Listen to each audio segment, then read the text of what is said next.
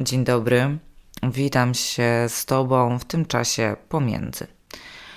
Pomiędzy świętami a Sylwestrem, pomiędzy Starym a Nowym Rokiem. To jest taki czas, gdzie mm, część z nas jest y, w zawieszeniu.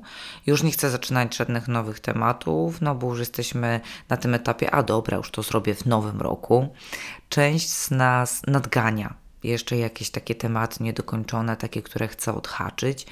E, a ja w tym czasie pomiędzy niezmiennie od kilkunastu lat jestem w podsumowaniu mm, kończącego się roku i w planowaniu następnego. I dlatego dzisiaj właśnie w, takich, w takim temacie planowania się z Tobą spotykam. Nazywam się Ania Ganew, jestem strateżką, mentorką marketingową dla y, kobiet, które rozwijają swoje własne marki, prowadzą swoje małe biznesy. Jeśli y, to jest pierwszy odcinek podcastu, na który trafiłaś, to zachęcam Cię serdecznie do odsłuchania poprzednich e, odcinków, ponieważ nie tracą one nic na swojej aktualności, są tak zwanymi evergreenami. Dobra, no to wróćmy do tego y, planowania. Ja wiem, że hmm, temat planowania to jest taki temat, no, y, trochę y, trudny dla części y, z Was, bo, mm, bo te plany często tak ciążą. Te plany trochę kojarzą się e, z mm, postanowieniami noworocznymi ale to w ogóle nie ma nic wspólnego ze sobą. E, jakiś czas temu, nie wiem czy rok, czy dwa lata temu, e, widziałam takiego mema, tak opowiem Wam mema, po, po, pomimo tego, że podobno jeśli ktoś opowiada memy, to znaczy, że. Mm, że już jest stary. No, powiem wam tego mema. E, widziałam takiego mema mm, dotyczącego właśnie postanowień, że postanowienia noworoczne z góry zakładają, że się ich nie zrealizuje, jakby z samej budowy słowa postanowię, nie. I chyba coś w tym jest. Dlatego planowanie z postanowieniami nie ma kompletnie y, nic y, wspólnego. Planując raczej wyznaczamy cele, a nie zakładamy, że coś tam będziemy robić, czyli na przykład takim postanowieniem mogłoby być to, że e, w każdym tygodniu opublikuję post na Instagramie. No i w momencie, kiedy w jednym tygodniu się to nie uda, potem w kolejnym, no to zasadniczo postanowienie możemy porzucić, no bo już nic z tego nie będzie, co nie? Ale jeśli w planach na dany rok założymy sobie cel, którym będzie opublikowanie 52 e, postów na Instagramie, to nawet jeśli będziemy miały jakiś taki okres mm, bez publikacji, to zawsze jest szansa na to, że później w tym okresie pomiędzy, na przykład w grudniu, pomiędzy świętami a Sylwestrem, jak nam tych kilku postów zabraknie, to sobie je nadgonimy. Oczywiście, jeśli będziemy chciały, bo jeśli stwierdzimy, że, e, że ten cel nie był jakiś taki, wiecie, kluczowy, no to po prostu go olejemy i tyle. I to jest chyba kluczowe, e, dziewczyny, jeśli chodzi o planowanie. E, według mnie oczywiście, bo wiecie, szkoły są różne ja uważam, że w planowaniu nie powinno być ciśnienia. E, nie powinno być narzucania sobie jakichś y, bardzo mm, wygórowanych celów, bardzo takich, wiecie, turboambitnych. E, dlatego planowanie w takim czasie, gdzie jesteśmy na takim pracowym haju i w ogóle super zmotywowane i bardzo chętne do działania, to w ogóle to wbrew pozorom nie jest dobry czas na planowanie, bo jest bardzo duże ryzyko, że wtedy te nasze plany będą tak, tak bardzo optymistyczne i z tak dużą górką, że naprawdę zrealizowanie ich no, będzie praktycznie niemożliwe. Bo jakbyśmy policzyły sobie mm, te dni w roku, kiedy jesteśmy na takim turbo doładowaniu i takim mocnym entuzjazmie i, i tym takim właśnie haju pracowym, to tych dni naprawdę jest niedużo. A tylko wtedy będziemy w stanie realizować te plany, które stworzymy na takim, wiecie, z takim bardzo entuzjastycznym podejściem. Dlatego y, ja y, proponuję, żeby robić plany właśnie takim rozmemłaniu czasami trochę. Ten czas pomiędzy jest dobry, bo on często jest taki, wiecie, rozmemłany. Tutaj wypaliłyśmy się trochę Mm, energetycznie w okresie e, świątecznym y, i, i, i, właśnie jesteśmy w tym oczekiwaniu na ten nowy rok. Dlatego ten czas na to planowanie jest dobry. Styczeń też często jest dobry, bo styczeń bardzo często też przytłacza nas to, że zaczynamy pewien nowy rozdział, a tak, y, tak dużo e, z nas nawet nieświadomie traktuje początek roku, często jest przytłaczający i, i to, że mówimy sobie, że właśnie musimy sobie tutaj zaplanować, postawić nowe wyzwania i tak dalej. E, to sprawia, że te plany mogą być trudne najpierw do stworzenia, a potem do zrealizowania. Ja do planów mam stosunek bardzo elastyczny. E, nie trzymam się ich bardzo kurczowo, jeśli chodzi o, mm, o to, co planuję zawodowo. E, często zmieniam plany. E, część z nich po prostu najzwyczajniej w świecie olewam, bo czasami się okazuje, że to, co wydawało mi się ważne w styczniu, znaczy no tutaj właśnie w grudniu w sumie, to wcale później w trakcie roku nie jest ważne. Ale pomimo tego te plany trzymają mnie w ryzach i one mnie wspierają. Pomimo tego, że nigdy ich w 100% nie realizuję, to są dla mnie pewnym wyznacznikiem tego, gdzie zmierzam yy, i co mam robić.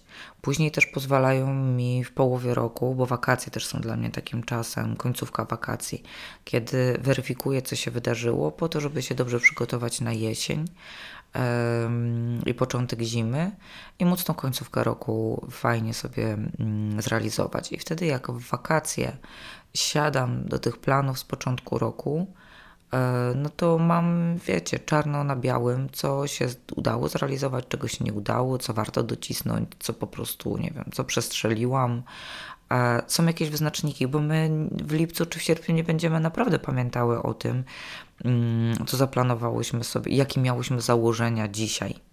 Dlatego dobrze sobie mm, te plany zrobić. Planowanie kolejnego roku jest też super motywatorem do tego, żeby zrobić sobie podsumowanie poprzedniego roku. Mm. A to jest y, dość ważne, żeby takie podsumowania robić, żeby sprawdzać, co nam się sprawdza, sprawdziło w danym roku, okresie, czy, co nam się nie sprawdziło. Fajnie zrobić takie podsumowania przynajmniej raz na kwartał, ale wiem, że czasami trudno się do tego mm, zabrać. E, jest taki odcinek podcastu o mm, raportach i podsumowaniach. E, i tam więcej możecie mm, posłuchać na ten temat. Jeśli nie słyszałeś tego odcinka albo go nie pamiętasz, to polecam do niego wrócić właśnie w tym okresie teraz e, podsumowań, bo tam mm, bardziej tak na części pierwsze rozkładam, jak te podsumowania robić. E, mówię też o podsumowaniach od jakiegoś czasu na Instagramie w relacjach zapisanych 2023 y, łamane na 2024, tak się nazywa ta relacja wyróżniona, możesz zobaczyć, co, co, jakie, mm, jakie tematy można sobie podsumowywać pod koniec roku. Ale postaram się też tutaj w kilku zdaniach yy, powiedzieć, na co warto zwrócić uwagę, na jakie pytania sobie odpowiedzieć. Yy, po pierwsze, ile zarobiłam yy, w skali roku, ale najlepiej z rozbiciem na miesiące ile mnie to kosztowało, to moje zarabianie. Czyli z jednej strony fajnie sobie zobaczyć, ile y, miałyśmy przychodów w poszczególnych miesiącach, ale też jakie miałyśmy koszty, bo bardzo często tych kosztów w ogóle nie bierzemy pod uwagę i wydaje nam się, y, że kurczę, tyle zarabiamy, a w ogóle tego nie czuję, na co ja to wydaję. No właśnie, dużą część z tego, co zarabiasz, możesz wydawać na koszty prowadzenia swojej działalności, a niekoniecznie na życie, jak to się mówi. Dlatego z jednej strony sprawdzamy, co, ile zarobiłyśmy, z drugiej strony, ile wydałyśmy. E, warto sobie popatrzeć tak y, szeroko, jakie działania w ogóle podjęłyśmy. Mm, zarówno w temacie takim szerszym, czyli jakie produkty wprowadziłam, e, czy na przykład, nie wiem, stworzyłam jakąś nową ofertę, dopracowałam ofertę, stworzyłam stronę internetową, ruszyłam z newsletterem, zaczęłam nagrywać podcast, e, zaczęłam pisać bloga mm, i tak dalej, i tak dalej. Czyli możemy sobie zobaczyć tak całościowo, jakie działania, takie grubsze, nie takie codzienne, tylko jakieś takie grubsze tematy, jakie nam się udało, jak zrealizowałyśmy e, w tym roku. Ale z drugiej strony, czego nie zrobiłam, co gdzieś tam chciałam zrobić, ale nie zrobiłam. Ja na przykład wiem, że y, nadal nie napisałam e-booka. Pomimo tego, że plan był taki, że w tym roku to zrobię. E, mogę Wam od razu powiedzieć, że tak, jest to w moich celach na przyszły rok. Przemyślałam sobie to, bardzo długo byłam z tym tematem. E, wiem, co mnie blokuje, wiem, dlaczego ten e-book jeszcze nie powstał i też wiem, jakie mogę działania podjąć, żeby zwiększyć e, szanse na to, że w tym roku on jednak e, powstanie. Od razu Wam mówię, dałam sobie na niego naprawdę dużo czasu bo już widzę, że jakby ciśnienie czasowe nie działa na moją korzyść. Ten e-book wymaga ode mnie mm, pozostawania na dłuższe okresy czasu z wieloma tematami. Mm, warto się zastanowić nad tym, dlaczego pewne rzeczy, które chciałyśmy zrobić, dlaczego ich nie zrobiłyśmy po to, żeby e, samej sobie odpowiedzieć, czy chcemy to wpisać w plan na następny rok. Bo to nie jest oczywiste, że przepisujemy z roku na rok. To, że ja przepisałam e-booka, ja to bardzo mocno przemyślałam i wiem, wiem dlaczego go nie napisałam i, i wiem, że nadal chcę go napisać i po co chcę go napisać, ale jest y, dużo rzeczy, których nie y, realizuję i nie przepisuję ich na e, rok kolejny. Na przykład dwa lata temu e, miałam w planie stworzenie workbooka, którego zaczęłam tworzyć. On w jakimś tam stopniu powstał, ja finalnie go nie skończyłam, mm, ale po prostu jakoś nie czułam tej formy. Wiedziałam, że to nie jest moja forma do przekazywania wiedzy, do dzielenia się wiedzą, do pracy z Wami i dlatego po prostu z tego planu zrealizowałam, zrezygnowałam, więc y, jakby to nie chodzi o to, że jak czegoś nie zrobiłyśmy, to przepisujemy to na następny rok. To jest ten moment, w którym warto się zastanowić, czy ja faktycznie chcę to zrobić, bo z jakiegoś powodu nie zrobiłam tego w tym roku. Może nie miałam środków, i okej, okay, wtedy przepisujemy, to jest szansa na to, że, że jakby trzeba się zastanowić, w jaki sposób te środki zgromadzić w kolejnym roku. Może zabrakło mi wiedzy, e, więc trzeba zaplanować, jak tą wiedzę mm, zdobyć. Może zabrakło mi wsparcia jakichś innych osób, więc trzeba by się zastanowić nad tym, jak do tych osób dotrzeć i jak to wsparcie uzyskać. Także zastanawiamy się z jednej strony nad tym, co zrobiłyśmy, co zrealizowałyśmy, ale też nad tym, czego nie zrobiłyśmy.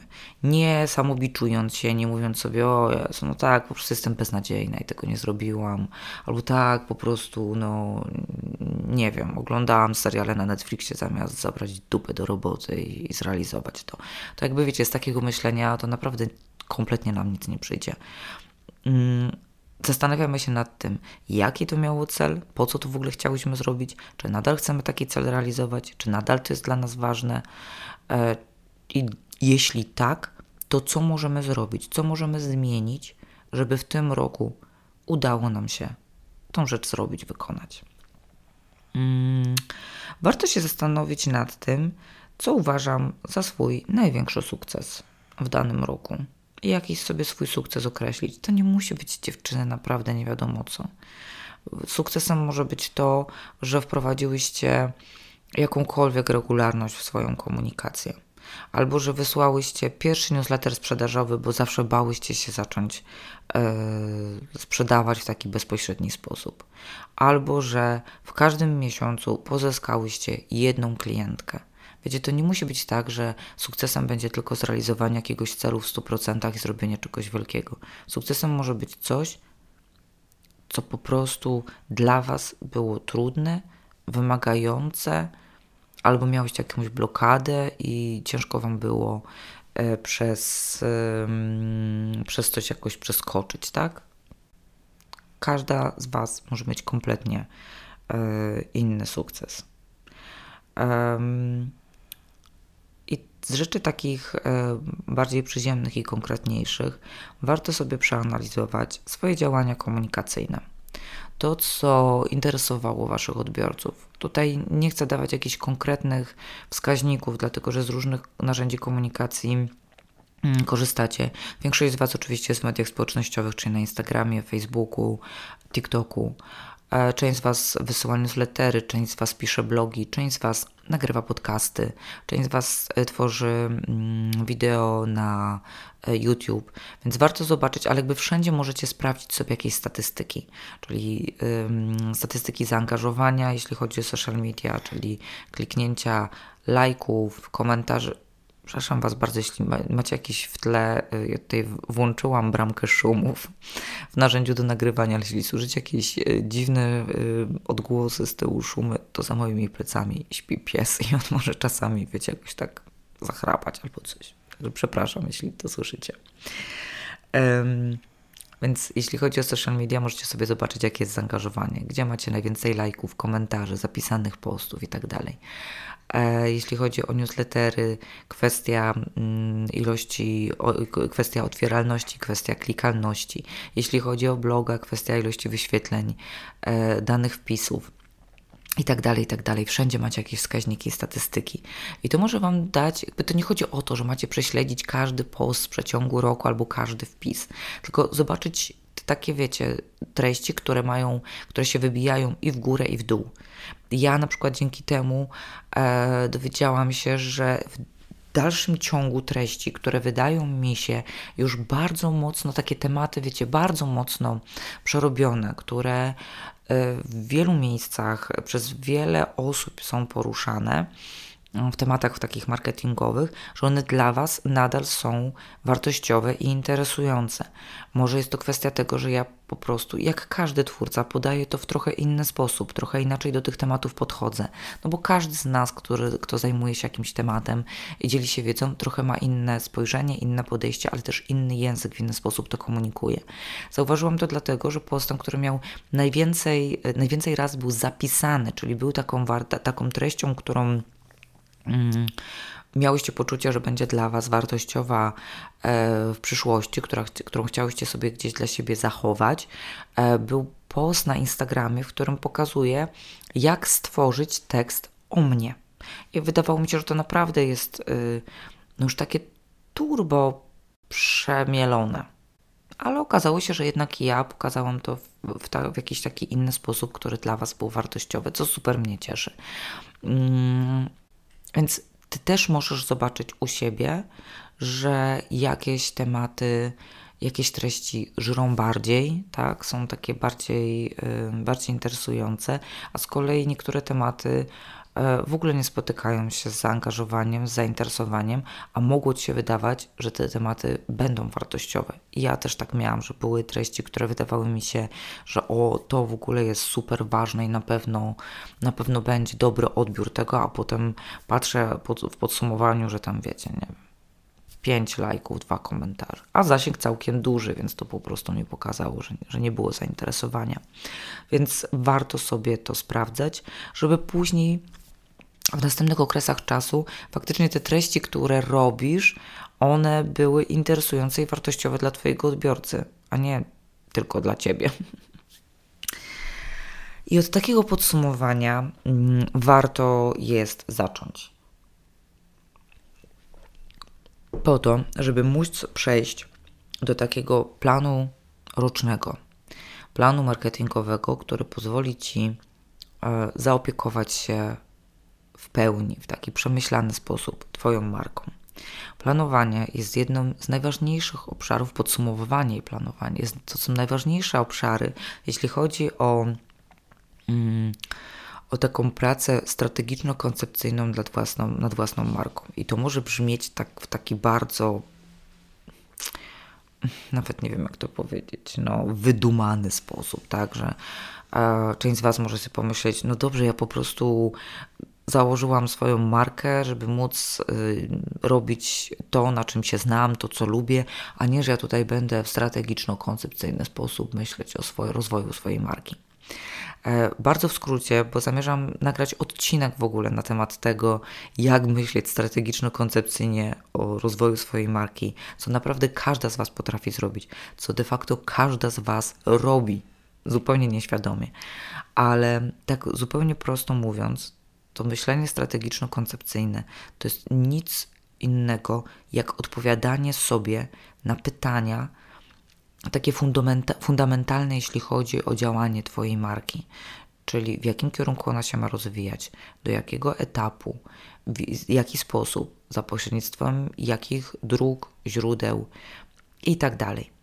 I jeśli sobie nie odpowiadamy na te pytania na bieżąco, tylko działamy tak ym, na czuja, porzucając często rozpoczęte działania, to naprawdę dużo trudniej nam się funkcjonuje. Przepalamy dużo więcej czasu, dużo więcej energii. Ym, stąd uważam, że to planowanie jest taką podstawą. Teraz to nie chodzi o to, że ty masz w grudniu czy w styczniu usiąść i zrobić konkretny plan działania na 12 miesięcy. Dziewczyny, to jest totalnie niemożliwe. Totalnie. Chodzi po prostu o to, żebyś te najważniejsze obszary, najważniejsze tematy zebrała i określiła sama dla siebie, w jaki sposób je sobie poukładać, poustawiać, mówiąc tak kolokwialnie, jak po prostu ogarnąć ten, te, te, te wszystkie obszary, bo jest ich sporo. Ale jakie są najważniejsze i co uważam, że powinno się znaleźć w takim planie? Po pierwsze, w sprzedaż, żebyś wiedziała, do czego w ogóle zmierzasz, jaka sprzedaż na jakim poziomie jest dla ciebie satysfakcjonująca, w skali najlepiej miesiąca.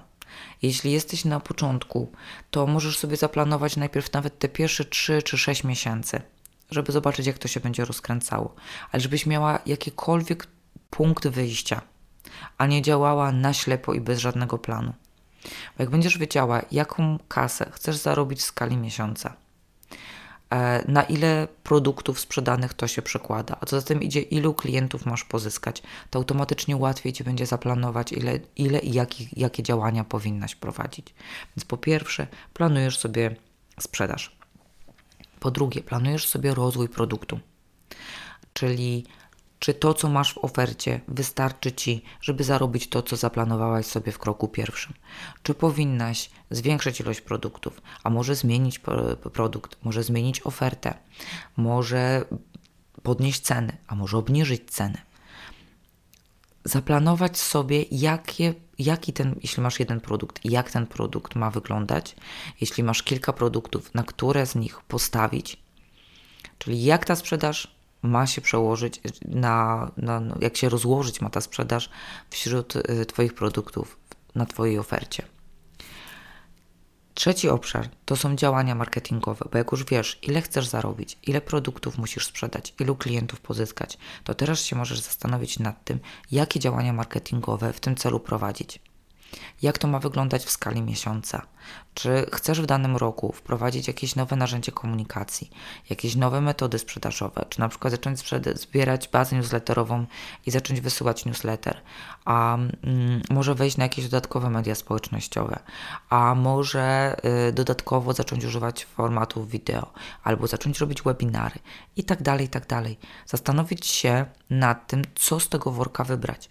Może się okaże, że kluczowe jest stworzenie nowej strony internetowej, bo na przykład ilość produktów, którą miałaś, jest już, yy, ona wzrosła i teraz jest na tyle duża, że trudno już nie tylko mediami społecznościowymi sprzedawać Twoje produkty. Może warto by stworzyć stronę internetową. Czyli też tak koncepcyjnie zastanowić się nad tym, w jakim kierunku iść co zmienić, co wdrożyć. To nie chodzi o to, żebyś na tym etapie już zaplanowała sobie, że będziesz y, publikować trzy posty w tygodniu, tyle i tyle stories y, w skali miesiąca i wysyłać dwa newslettery. Nie, ten plan roczny, on ma być właśnie taki koncepcyjno-strategiczny, a nie zakładać konkrety. Ciężko jest zaplanować sobie, wiecie, bardzo dokładnie ilościowo, jak to ma wyglądać w skali roku. Jeśli chcesz sobie dać jakieś ilościowe mm, wyznaczniki, które pozwolą Ci kontrolować to, jak się rozwija Twoja marka, no to bardzo fajnie jest e, zaplanować sobie jak na przykład chcesz zwiększyć swoją społeczność w mediach społecznościowych, tak? Czy na przykład, nie wiem, chcesz sobie podwoić ilość e, obserwujących, albo nie wiem, mieć 500 nowych subskrybentów w newsletterach, konkretne liczby, warto sobie dać, tylko żeby to były takie liczby, które faktycznie czujesz, że jesteś w stanie osiągnąć. Masz pomysł na to, jak to zrobić, a nie, że napiszesz sobie, chcę mieć 5000 followersów na Instagramie, ale nie masz budżetu na reklamę, żeby zwiększyć zasięgi, nie masz pomysłu na to, jak na przykład stworzyć treści, które będą organicznie działały, albo jak się pokrosować z innymi twórcami, żeby ci obserwujący mogli ci przyjść od innych osób, czyli stawiasz sobie cel, ale nie masz żadnych, żadnych wskazówek, żadnych planów na to, w jaki sposób to osiągnąć. Czyli te cele ilościowe, jeśli sobie je postawisz, one nie są konieczne, ale są dość dobrym wyznacznikiem, czy idziemy do przodu. Więc ja zachęcam do tego, żeby sobie te cele określić, tylko w sposób taki namacalny i możliwy do zrealizowania. Tak? Można sobie zaplanować i wielkość społeczności, ale też można zaplanować to, jakie zasięgi chcemy mieć, jakie zaangażowanie. Mm, więc ilościowo jak najbardziej w tym kierunku polecam. Nie polecam robienia konkretnego harmonogramu działania na 12 miesięcy, ponieważ zajmie Wam to bardzo dużo czasu, a ciężko jest zaplanować 12 miesięcy z góry. Oczywiście pewne wyznaczniki na zasadzie, e, tak jak powiedziałam na początku, 52 posty na Instagramie, e, minimum jeden y, newsletter w miesiącu. Jak najbardziej. To jest super, bo to Wam później pomoże w planach miesięcznych, w dostosowaniu mm, tych planów do Waszych możliwości i tak dalej. Ale ważniejsze jest to, żeby na tym etapie zaplanować sobie mm, te cele ogólne. Tak samo w komunikacji, żeby zastanowić się nad tym, co wizerunkowo ma najmocniej u was, u was wybrzmieć. Ja na przykład wiem, że ważne będzie dla mnie to, żeby w 2024 roku mocno podkreślać, że moje podejście do strategii, do rozwijania marki, mm, bardzo mocno skupia się na tym, żeby robić to w zgodzie ze sobą i swoimi możliwościami. W tym, ile mamy czasu, ile realnie chcemy zarabiać, bez narzucania sobie ciśnienia, bez nakręcania się sztucznie tym, jaka jest narracja w mediach społecznościowych dotycząca e, ogólnego sukcesu wszystkich naokoło, tylko w zgodzie z tym, jakie faktycznie realnie mamy potrzeby, w zgodzie z tym, że mamy dwie godziny dziennie na pracę, a nie 12 godzin dziennie na pracę. W zgodzie z tym, żeby pozwalać tej marce rozwijać się po prostu jej własnym rytmem i też czuję, że że jednak tematy mało popularne, czyli mówienie o tym, że rozwijanie swojej własnej marki, tworzenie swojego mm, własnego biznesu jest procesem trudnym, żmudnym i długotrwałym, również się będzie u mnie pojawiać, pomimo tego, mm, że to chyba się nie sprzedaje zbyt dobrze.